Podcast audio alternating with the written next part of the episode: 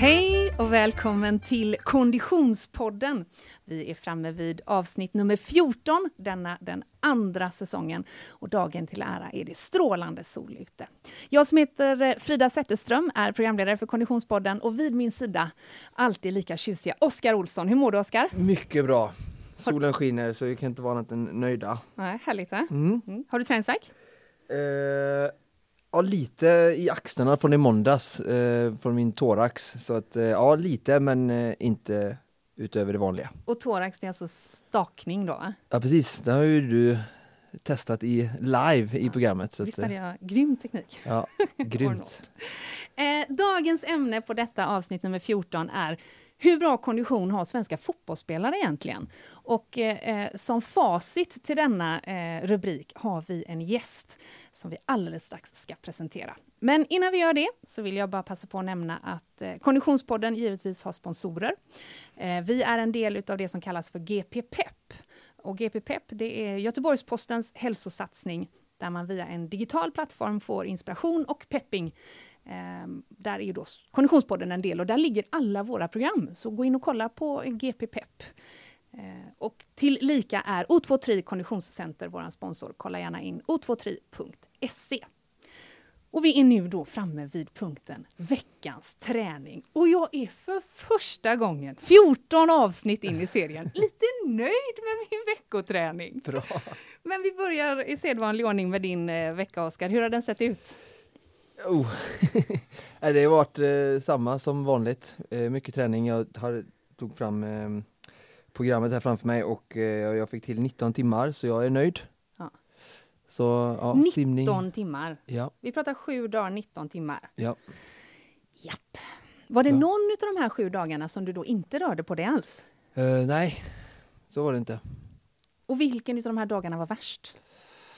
Jag tror jag, jag hade duathlon-intervaller, eh, i, var det i torsdags tror jag förra veckan, eh, så hade jag först hade jag simmat väldigt hårt med ett gäng eh, simmare som jag simmar med ibland som eh, brukar piska mig hårt eftersom de är mycket bättre. Så jag, var, jag kände mig liksom väldigt urlakad och matt efter det passet. Och sen på eftermiddagen så väntade ett till pass och eh, det var också ganska hårt. Så att, eh, den dagen var, fick man gräva djupt men det är alltid skönt efteråt sådana dagar. Då Vad sover man som en bebis. Vad hade du, sa du, för eh, träning på eftermiddagen sen? Du- Duathlon-intervaller så man cyklar, springer om vartannat så. Det är ju lite triathlon specifikt så för Ja. att lära kroppen att eh, flytta syre mellan olika muskler och eh, lära sig att eh, vara effektiv i bytet mellan de här två momenten. Då. Just det. Vilken, och, och när det är som värst där i en sån eh, duathlon eh, Ja. intervallpass, vilket är värst då? Shit, nu har jag löpningen framför mig, eller shit, nu har jag cyklingen framför mig. Nej, det är nog lika illa bägge två. Nej, Oskar, det är lika härligt. Det är lika härligt för mig. Du, igår la du ut på, på Instagram en bild på eh, ett gäng slagna hjältar som Mm. låg lite som så här, man tänker det var ett mänskligt plockepinn som hade Just fallit det. omkull ute på vägen där Ja. bredvid O23. Jag gillar inte bara att plåga mig själv, jag gillar gärna att plåga andra också. Jo, det ska gudarna veta. Ja. Hur, vad, vad var eh, orsaken till det här manfallet igår? Nej precis, det är en triathlonklubb här i Göteborg som heter Triathlon Väst som, som tränar hos mig eh, regelbundet på centret. Och eh, ja, det var, de hade kört eh, långa eh, och många intervaller så att eh, de var välförtjänt utpumpade. Okej. Men din träningsvecka generellt är du nöjd med? Jajamän, Håller knät? det håller jättebra. Ja. Jag sköter min rehab och eh, ja, det är lite så, jag vet ju vad jag behöver göra för att det ska hållas i schakt så att eh, det är bara att fortsätta med det. Så, Vad får du inte göra? alltså ha, ha frånvaro från rehab, eh, rörlighet och styrka. Mm, okej. Det är, men det är ingen fara att liksom bränna på? Nej, nej. Det kan du göra? Ja. Kroppen är fantastisk Och du verktyg. har alltså lite träningsverk? Ja, men lite. Jag var hårt i måndags. Det är fantastiskt. Ja. Och det var då i de här thoraxmaskinerna? Ja, varvat med löpning. Såklart. Ja. Och där var Frida Zetterström inte lika nöjd med sin träningsvecka längre. Nej, jag skojar Jo, alla utgår från sina egna förutsättningar. Ja, precis. Och min träningsvecka består i alla fall ändå av fyra pass på gymmet. Wow, Det är ändå bra. det är grymt. Det får man ändå tycka. Eller jag får ändå tycka det.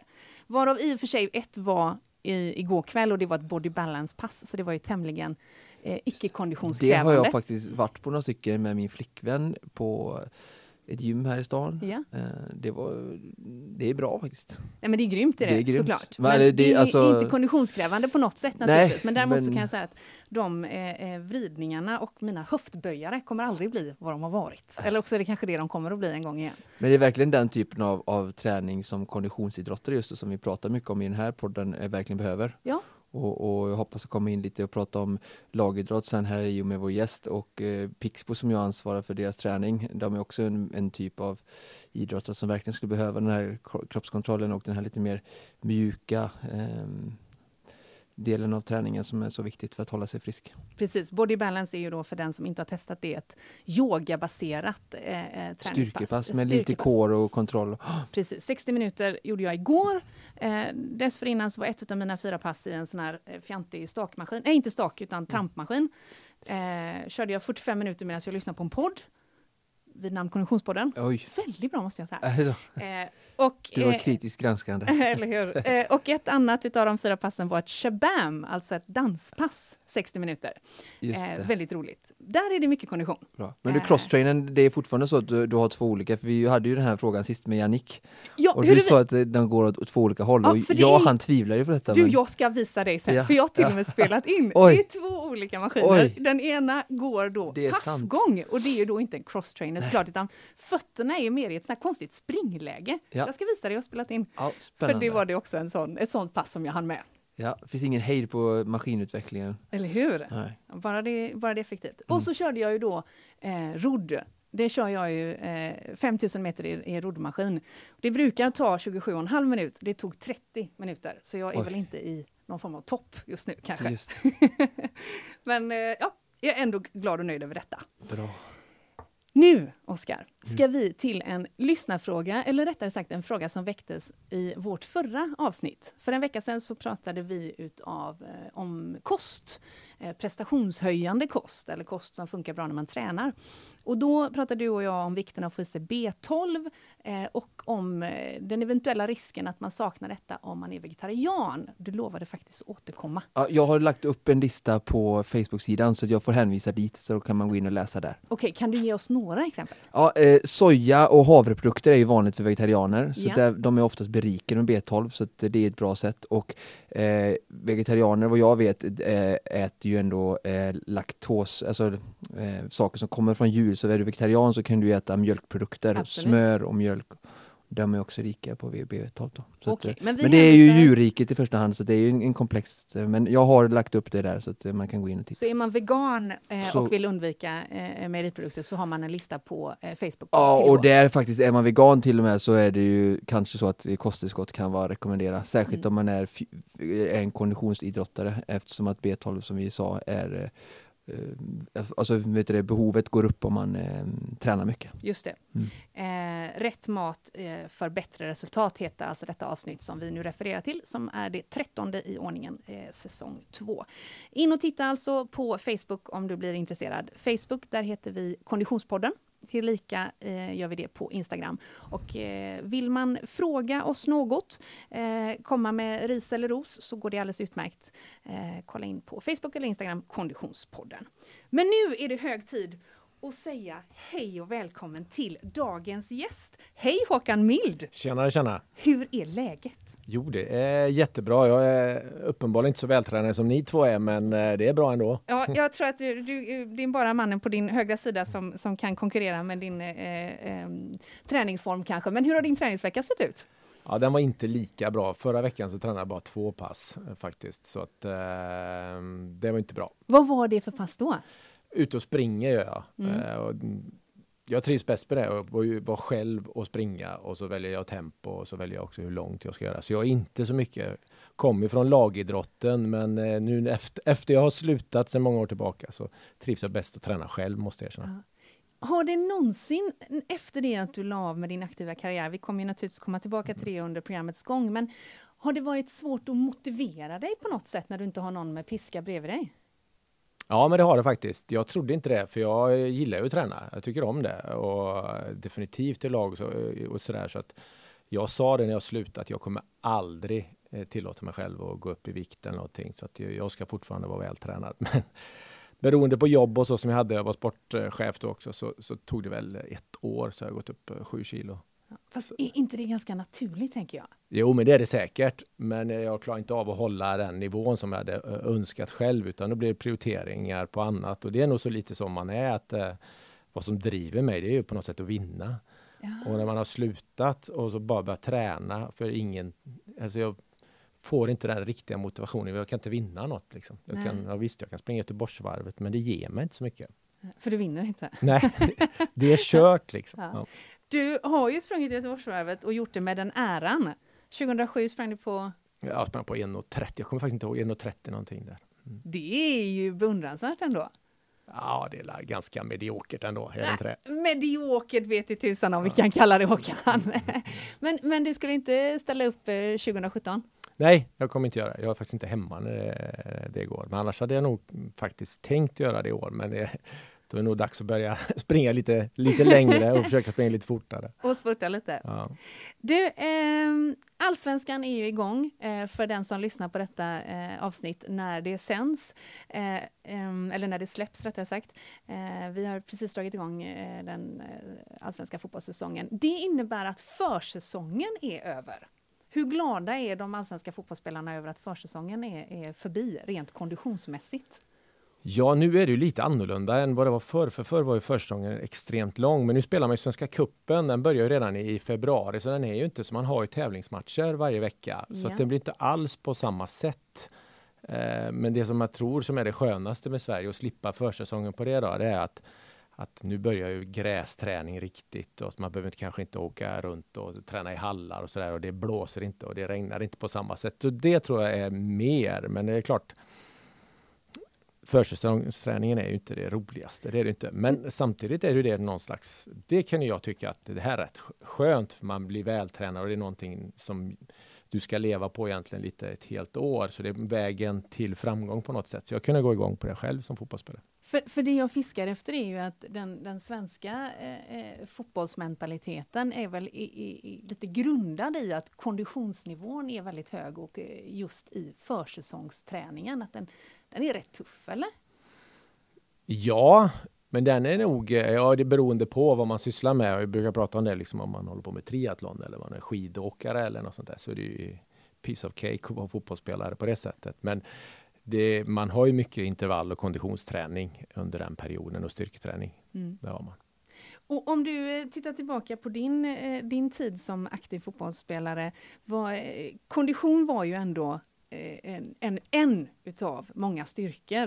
Det, det, finns någon historia om ett biptest som, som krossades utav herr Håkan Mild. Vad, vad, hur, hur såg din konditionsambition ut som fotbollsspelare? Jag var ju bra på det.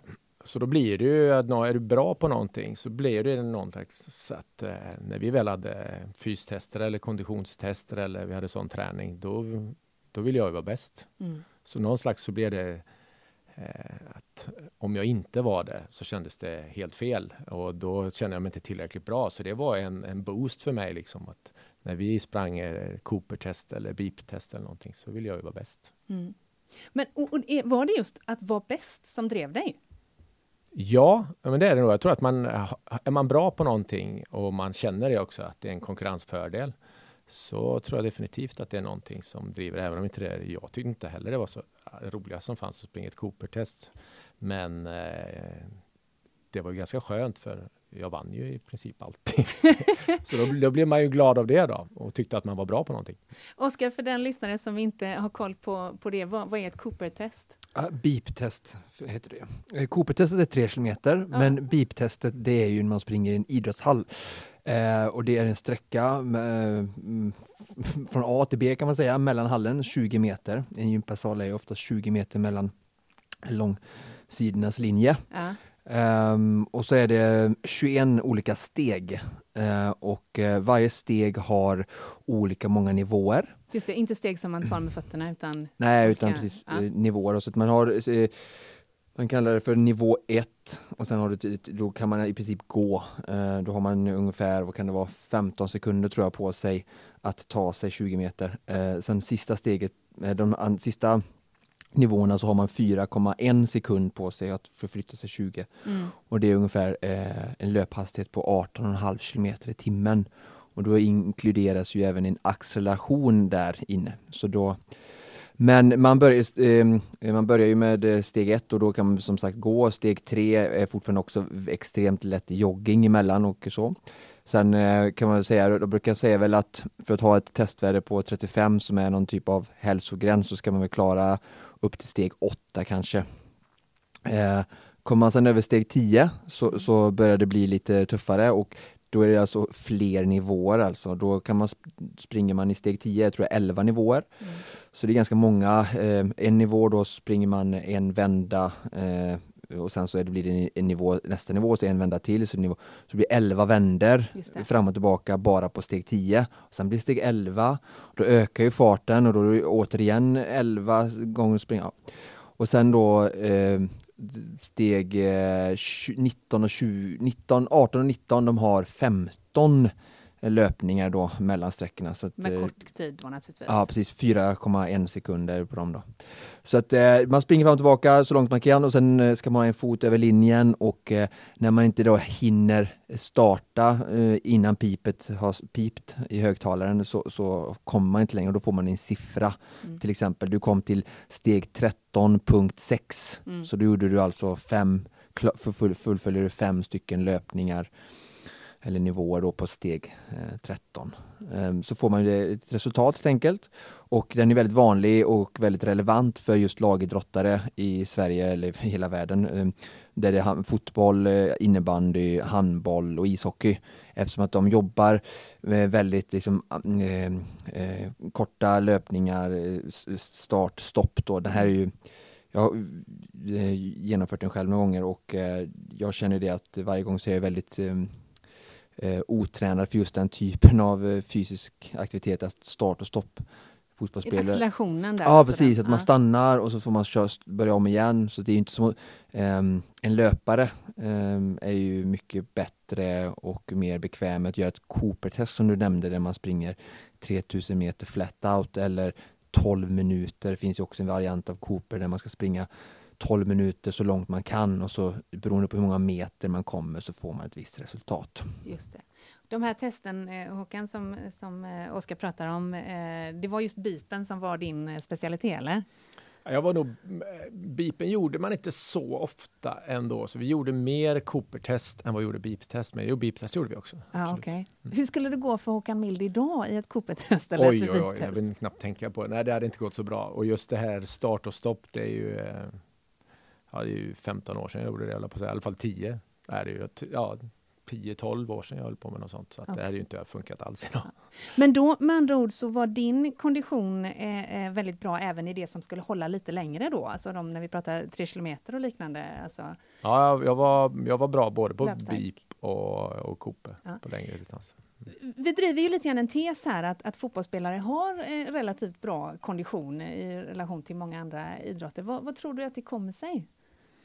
Men det är ju en löpsport. Mm. Det är det. Och de, som, de lagen som är bäst, det är naturligtvis en stor teknik i det också, men det är ju de som orkar att löpa mycket och sätta, vara aggressiva och sätta press och, och både löpa både defensivt och offensivt. Så att, eh, det är ju det. Det är ju en löpsport, så att många har ju en bra kondition, absolut.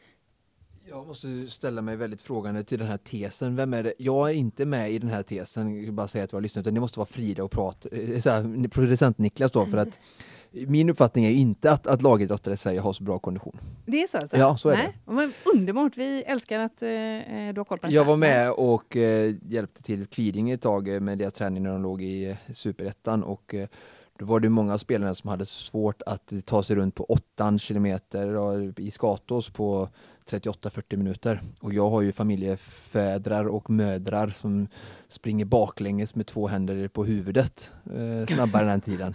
Eh, så att eh, det är ju en sanning med motion. Nu är det såklart att det beror lite på vilken nivå man är också. Jag skulle precis säga det, inte det hela hemligheten? Men jag skulle vilja kasta ut frågan till, till eh, Håkan lite också och se vad han tycker om att anledningen är att Ehm, lagidrottare i Sverige handlar mycket om prestation och att vara bäst och vinna, precis som det är i våran sport. Mm. Eh, där fysiken, som Håkan var en av de mest vältränade fotbollsspelarna i Sverige, eh, hade och, och som, som, liksom, som till hjälp. Eh, men varför det kommer att säga att lagidrottare har sån hatkärlek till, till just konditionsidrott mot kanske andra idrottare för att det är ju ändå ett verktyg att lära sig, alltså kunna skapa rätt förutsättningar för att vinna. Just det.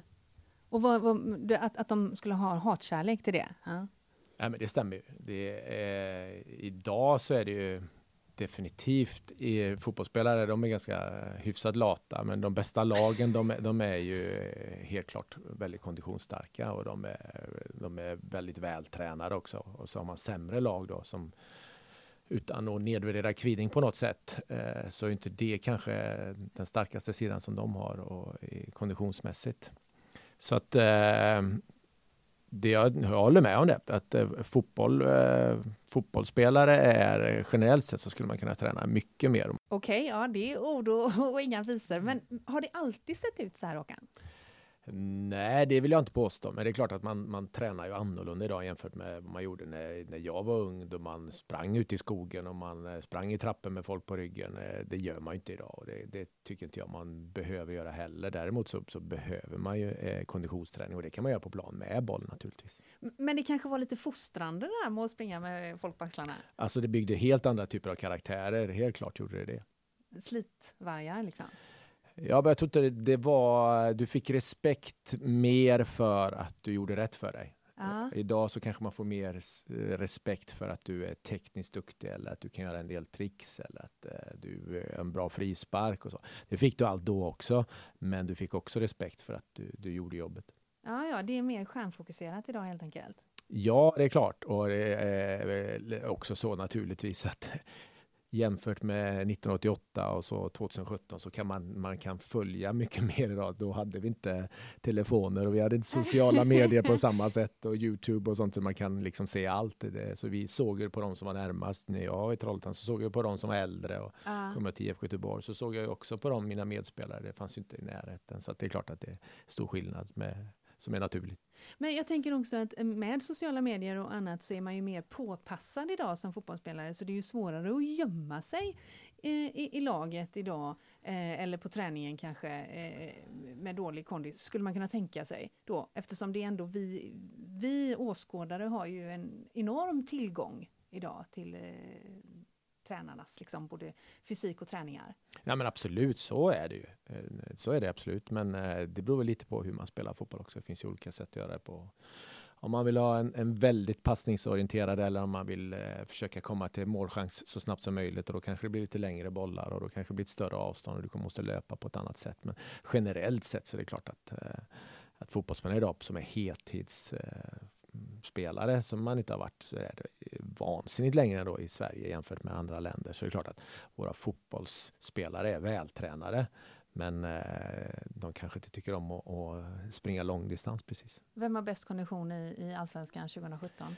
Om oj, Håkan Mild får oj, bestämma? Det, det vet jag faktiskt inte. Men, eh, Men någon som utmärker sig eller har gjort de senaste säsongerna som du tänker, där ligger det där ligger en Håkan Mild-mentalitet och lurar. Han vill vinna var och varannat biptest.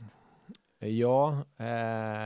Det har bara funnits en mild och en schwarz. Jo, jo, jo det, det, ja, du är helt ja, rätt. Jag har faktiskt svårt att, att, att, säga det riktigt, men det finns ju lag, om man tar Norrköping till exempel, så löper de ju väldigt mycket. Ja. Det gör de. I sin liksom, uppladdning och i sin Ja, men i, i, sitt, i sitt sätt, att, sitt i sitt sätt att spela ah, ja. mm, så, mm. så löper de mycket. Mm. Och om man tittar på allsvenskan, jag har sett de flesta i, i år, så då måste man nog säga att eh, Norrköping ligger väl till som lag sett. Ja. Och det är det som är lite, kan man få till det med laget, att man löper så mycket, eller så, mycket, eller så lika det går i ett lag ja. som man försökte få till då med förr klassiska 4-4-2 som man hade. Nu har det ju naturligtvis utvecklats. Då var det ju lite så i själva spelet att man skulle försöka springa antal samma meter för mm. att få till press och både offensivt och, och defensiv riktning. Det, det, går inte att uppnå, men det fanns en tanke och en vision om det lite grann. Mm. Efter din aktiva karriär så var du sportchef i IFK Göteborg i, i flera år. Hur, eh, hur konditionsstarka är IFK Göteborg? Eller var och är? Kan du se en eh, utveckling eller en skillnad? Ja, alltså, eh, väldigt vältränade spelare. Med, alltså, man äter riktigt. Det, är ju en, en jätteskillnad jämfört med förr också med, med tanke på att man har människor runt omkring och den kunskapen som också finns idag jämfört med förr. Så att jag vill säga att eh, våra fotbollsspelare är generellt sett eh, väldigt noggranna, både när det gäller mat och, och sin kropp och sådär. Däremot så är de inte speciellt uthålliga. Skulle vi ha ett Cooper-test eller ett BIP-test så har de inte den mentala förmågan att ta ut sig. det, är, det är hårt ändå. Nej, vet jag inte, men det är så det ser ut. Det är så alltså? Absolut. Ja. Och, och, skulle det här i, din önskevärld, skulle det här behöva utvecklas då alltså? Ja, men det tycker jag. Eh, och det är ju det lättaste som finns egentligen. Alltså, ja. Så det är ju inga svårigheter, men det är en, en mental förmåga. Och blir det då som i ett lag där det blir masspsykos, att det här är så tråkigt, då, så ja. det, det, är svårt att, att, få till det. Vad är det som skulle krävas, Oskar, tror du, för att eh, vända en sån här trend? Det ja. känns som att det här är en enkel nyckel. Det är ja, försäsong, det är tidigt i säsongen, ni som lyssnar. Jag tänker att det har kanske mycket med utbildning att göra och jag tror att det kommer komma mer och mer. För att det är som Håkan säger att eh, det som är positivt eh, om man jämför nu med då, det är att det finns mycket starkare och kunskapsrika staber och personal kring lagarna i alla de olika lagidrotterna på hög nivå i Sverige med fysioterapeuter, med konditionsstyrketränare och eh, liknande. Eh, men så jag tänker eh, utbildning, att alltså ha en bättre kommunikation. Men först och främst så måste ju ledningen i respektive klubb och lagidrott eh, se fördelarna. Mm. Och jag driver ju detta såklart väldigt hårt i Pixbo där jag ansvarar för träningen och vill ju någonstans, jag har full respekt för att tekniken, spelsystemet och allting det där måste komma först och det är det som kommer vara liksom verkligen avgörande. Men precis som Håkan säger så det lättaste, alltså Zlatans teknik kan vi inte bara föra vidare till vem som helst eller säga att ni två kan para er så får vi en till Zlatan. Eller, alltså, det, så funkar det inte utan det är en gåva Eh, och, och, ehm, och en tillfällighet som inte kommer så ofta. Men träningen kan ju alla, oavsett tekniknivå, liksom ha, höja och på ett väldigt enkelt sätt situationstecken då. Eh, det är klart att det är mycket svett och tårar bakom men ändå relativt enkelt. Och har man höjt det så har man ju redan gett sig själv en väldigt stor fördel mot sina konkurrenter. Mm. Och det är detta jag vill ge Pixbo Wallenstam eh, en fördel mot sina konkurrenter. Falun där är kanske som motsvarigheten till Norrköping då innebandyn där de är alla de har som skapat en kultur inom laget där ett, vi ska göra alla rätt, men två, vi ska göra det hårda jobbet. Eh, och eh, alla är väldigt löpstarka och är som en väldigt homogen och stark konditionstränad trupp.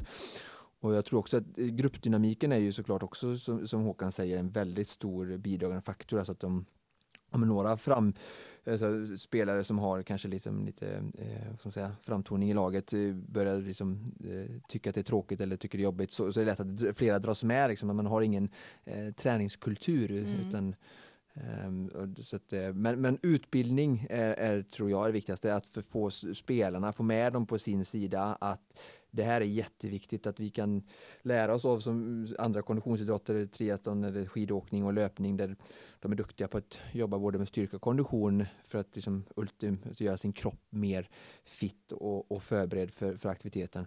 Um, så, så, så, blir det lättare. Och jag tänker så här att om man har, höjer sin konditionsnivå med 10-15% så behöver man inte springa fortare på match. Men man har ju liksom lite högre tak så att man kan, behöver inte gå på max hela tiden och då på det sättet kanske man lättare kan ta bättre beslut och sånt där. Mm. Det tror jag är väldigt viktigt. Alltså de sista 15 minuterna när kanske fotbollsmatcher i Allsvenskan eller SSL eller SHL tar, liksom, har avgörande skeden. Att då vara fortfarande liksom uthållig och fräsch i knoppen för att du haft en hög kondition så kanske du kan ta bättre beslut än mot någon då som har, har den här liksom taskiga inställningen till eh, styrka och konditionsträning under försäsongen och som inte är lika vältränad då och är mer slutkörd efter 70 minuters eh, Eh, alltså aktivt matchspel. Mm. Just det. Och Pixbo som du refererar till här, det är alltså ett innebandylag ja. då naturligtvis. Mm. Och hur, hur, står sig generellt innebandyspelarens eh, kondition mot, om vi nu tar topplag då, ja. Eh, ja, mot, mot fotboll.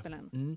Alltså först då, om vi tar absolut de högsta serierna i respektive sport så är nog ändå fotbollsspelare kanske lite mer vältränade och det har ju med pengar att göra. Mm. För att det, är ju en, det ska vi inte heller sticka under solen ju, mer, ju mindre de jobbar och ju mer pengar de får, ju mer eh, mottagliga tyvärr är de för att göra tuffare jobb om man säger så. Eh, jag kanske har mer tid också om man ska vara krass. Ja, men jag har ju ingen tid men jag lyckas ändå ha en fysisk eh, form som jag anser att de allihopa borde ha. Eh, men du, det har ju med intresse ditt, att göra också. Ditt jobb är ju ändå att träna. Nej, Det är, jag får inte betalt för att göra de här 19 timmarna utan det är min fritid. Så jag får försumma någonting annat. Jobba så tränar jag inte. Då tränar du inte? Nej, då Okej. leder jag ju träningen. Okej. Så det är det som är min ersättning. Men, men, men eh, där skulle ändå du säga att fotbollsspelaren då Ja, ja. konditionsmässigt ligger... Ja, eh, så att, och det är svar då, de här, eh, jag vet inte, handboll har väl också, de ligger ju såklart under fotboll men kanske lite över innebandy där mittemellan. Och när det blir när de spelarna måste jobba deltid eller sådär på högsta nivån så, så blir det en ganska individuell eh, sak. Eh, Så Mm. svar på frågan är att det finns många i Pixbo Wallenstam som skulle kunna mäta sig på Cooper och BIP med eh, IFK Göteborgs toppspelare. Men i, långt ifrån liksom snittet är mycket lägre på hela truppen. mm. Så, så att de som är duktiga i innebandy, de har ett, ett genuint eget intresse att försöka vara så bra som möjligt på alla plan. Mm. Så Det är eh, tillbaka till din tanke där Håkan om att eh, vilja prestera och vilja vara bäst. För jag tänker också att eh, undervisning och, och kunskap är ju som du säger då Oskar nyckeln. Men jag tänker också det entusiasmerande och eh, det som du var inne på Håkan att om det sprider sig att alla tycker att konditionsträning är döden. Då får ju det en förödande effekt såklart.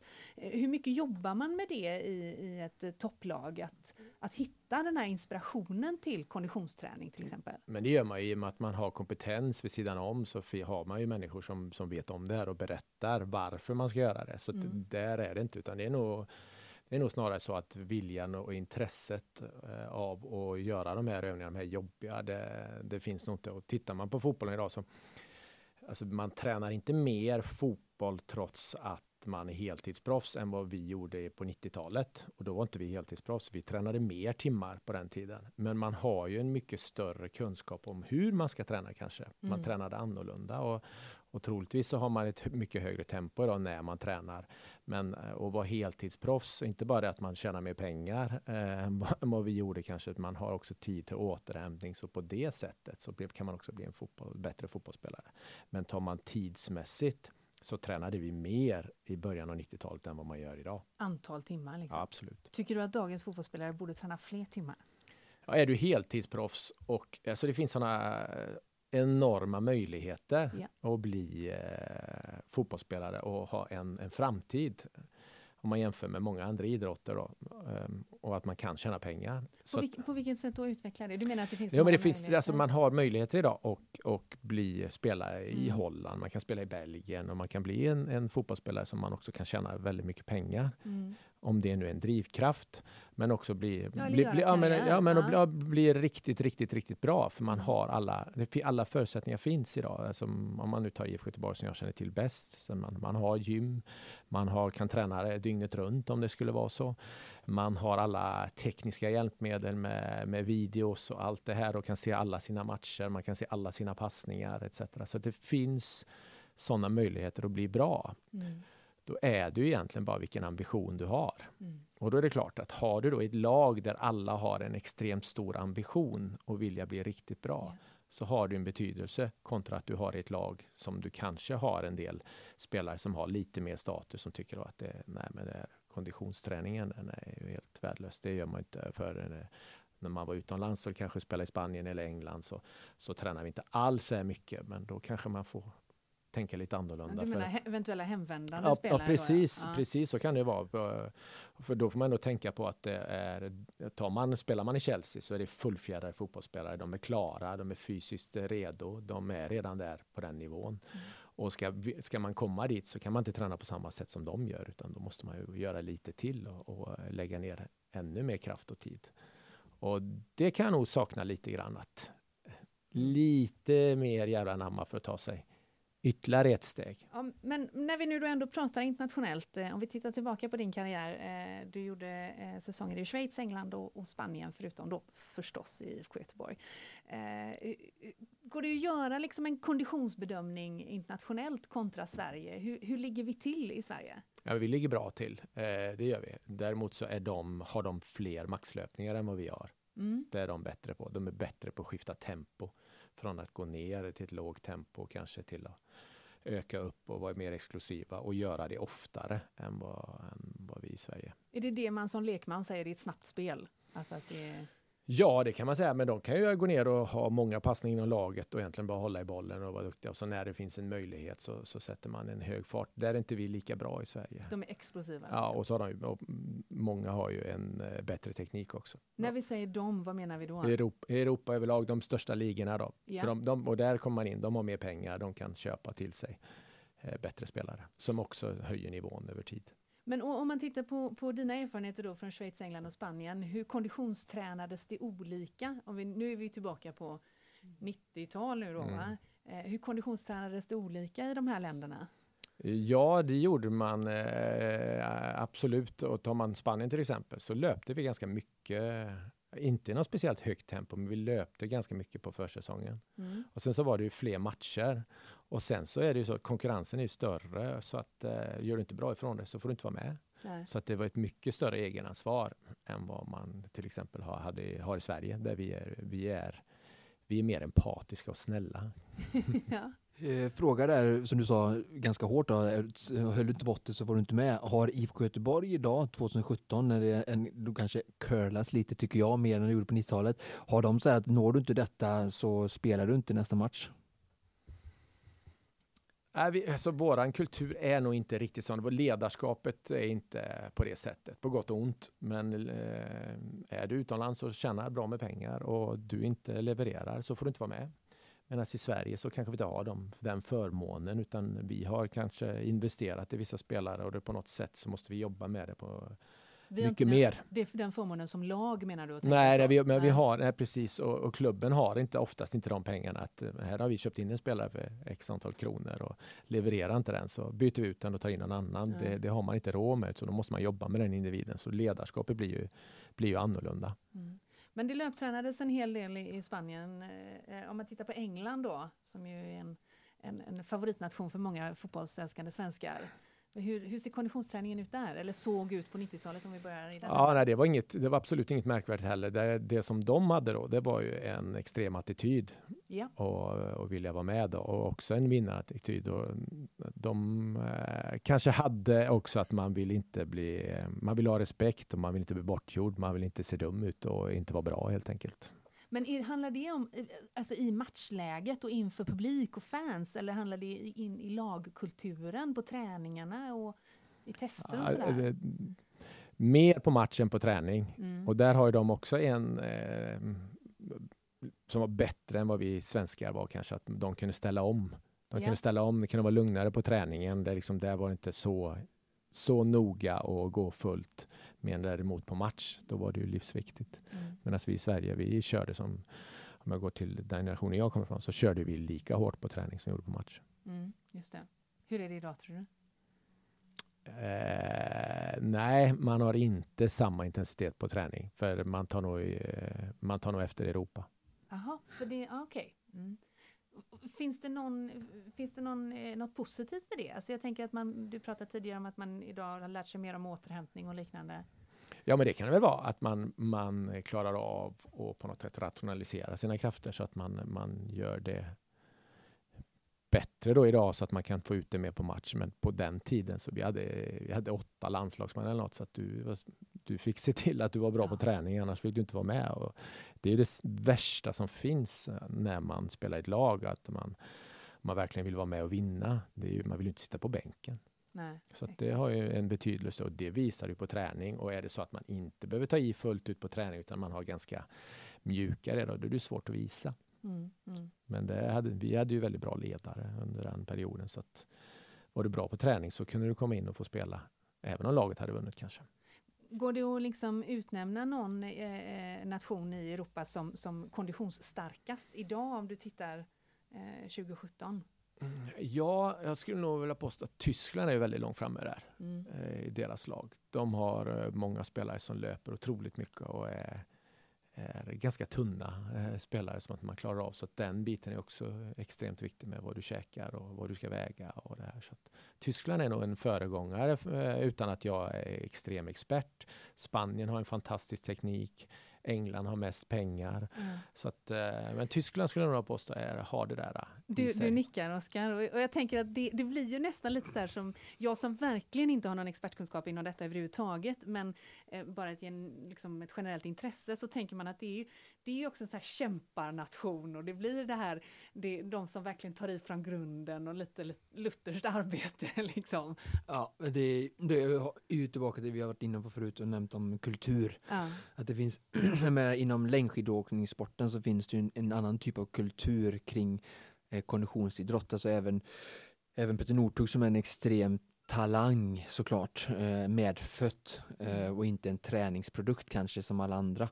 Ehm, så har han även tack vare kulturen i, i längdskidåkning liksom utvecklat ett ex, extremt högt konditionsvärde och testvärde för att man tränar och håller käft i den sporten. Eh, och i, i Tyskland så är det samma sak, där, att det är liksom hård disciplin. eh, Jag kan titta på simning eller andra triathlon eller löpning, andra idrotter. Det finns inget, de, de, de tränar mest också i, i andra sporter. Så det har ju med liksom, det är en tysk kultur helt enkelt som i det här fallet är väldigt gynnsam för dem att de blir väldigt starka fysiskt. Sen kan vi prata om, om teknisk eh, kultur i Spanien kanske eller i Brasilien och, och sådär men i Tyskland så har man en, en, just en, en bra kultur kring liksom, disciplin, lite jävla anamma som, som Håkan var inne på, tror jag verkligen. Så att, och jag har ju spelat fotboll själv i många år och följt eh, tysk fotboll eh, som, som ungdom så att, eh, ja, jag har samma bild Mm. då som nu. Håkan, vad, vad, är, vad är eh, Sveriges chanser, jag på att säga, att, och, hur, hur viktigt skulle det vara att öka konditionsnivån eh, för, för att liksom ta oss längre? Jag tror att det är viktigt överlag vad man än sysslar med. Liksom, hur, ska man bli bra? Och Mm. hur ska man bli bäst? Man måste skaffa sig en insikt på vad, vad är det vi behöver göra för att vi ska vinna de här fotbollsmatcherna. Och är, har vi en vision att vi ska vinna i allsvenskan har vi en vision att vi ska vara med och, och fightas ut i Europa. Så där tror jag att man måste skaffa sig en insikt först. Vad det är, vart, vart ska man någonstans? Och sen därefter så måste man ha en ganska stor vilja och man måste ha ganska stort mod också. För det, blir, det krävs ju förändringar. Ja. Och det är inte alla som vill det kanske. Nej. Men om man har kommit så långt så finns det inget annat än att träna. Nej. Det är jag brukar säga det, skaffa dig en insikt om vart du ska någonstans. Sen måste du ha vilja och mod och våga göra det. Och, då är det, och sen är det, vilket du jobbar på ett kontor, så handlar det om att träna för Ja. att bli bra. Och så kan vi koppla in eh, kommentaren och lärdomen från Jannik där. Att han sa ju, det han utformar nu Håkan, det var ju en vision och en dröm. Men sen måste du kunna svara på frågorna hur för att det ska bli ett, eh, ett fast mål sen då och för att laget ska kunna nå målet. Så måste du också veta att visionen och veta insikten som Håkan sa, men sen också då kunna svara på frågorna hur, vilket jobb, hur ska vi lägga upp träning och hur ska vi formera laget för att nå målet. Mm. Eh, avslutningsvis, eh, Håkan, hur, hur gärna vill du eh, eh, forma en vision för Håkan Mills träningsform eh, framöver? Rent personligen. Ja, jag, jag har ju insikten har jag ju. Ja, men det är bra. Insikten har jag ju, men uppenbarligen har jag ju inte rätt vilja för att lägga ner mig för den här träningen. Då. Så att, att jag tränar, jag, jag tycker det är skönt att gå ut själv och springa och få fundera ut efter med, med tanke på vad jobb och andra tankar man har. Då, då gillar jag verkligen att träna. Jag tycker också om att gå in på ett gym och sådär. Men jag gör det för att jag tycker om mat så mycket och dricka så mycket så att jag inte ska bli eh, råfet. Det är ju min Ja, ja. motivation till att träna för tillfället. As good as any, säger jag helt enkelt. Och eh, vi kan väl konstatera då att rubriken Hur bra kondition har svenska fotbollsspelare får ett ja-svar kanske. Ja, det, går ju och, det går ju helt klart att bli eh, mycket bättre. Det ser vi fram emot och se hur vi följer eh, säsongen 2017 och eh, hoppas att det går i en positiv utveckling. Håkan Mild, tack så hemskt mycket för att du gästade Konditionspodden. Tack själva. Eh, Oskar, du och jag eh, ska ta ett litet påskuppehåll. Ja, Har du, har du gjort ett eh, träningsschema för påsken? Även det blir eh, lite mer träning än vanligt tänker jag. Mm. Inte fler påskägg alltså? Nej, jag är ju lite anti den här uh, påsk... his- eh, ja, vad heter det? Påskhysterin, ja precis. Eh, vi svenskar upplever jag är ju experter på att hitta eh, helger och ursäkter för att ha ätfönster året om. Är det inte pink så är det jul, är det midsommar så är det vad heter det, snaps och så, sådär. Så att, eh, jag gillar ju att njuta, jag gillar ju Lejonet och björnen glass väldigt mycket som eh, Håkan nu med framgång driver. Eh, och även deras likör som är väldigt god. Men, men, men det är just det här välja sina tillfällen och inte den här frossan. Det är ju obscina mängder som godis då, som säljs under påsken. Och, eh, mm. Nu är vi där med ätfönstret igen. Det är Ja. bra Oskar, du eh, förnekar varken dig eller träningsmentaliteten. Det gillar vi. Jag tänker unna mig både ett och två påskägg, men jag tänker också försöka hålla min träningsdos. Ja, men du är ju en sån som äter med sånt med, liksom med intelligens och med lagom. Du frossar ju inte. Oh, bring it on, Ja. Du, det här var allt vi hade att bjuda på eh, den här veckan. Och som sagt, eh, nästa torsdag eh, släpps det ingen Konditionspodden för då tar vi påskledigt. Vi är tillbaka om två veckor igen. Konditionspodden eh, produceras utav Fredag Connecting Brands with People. Hej då!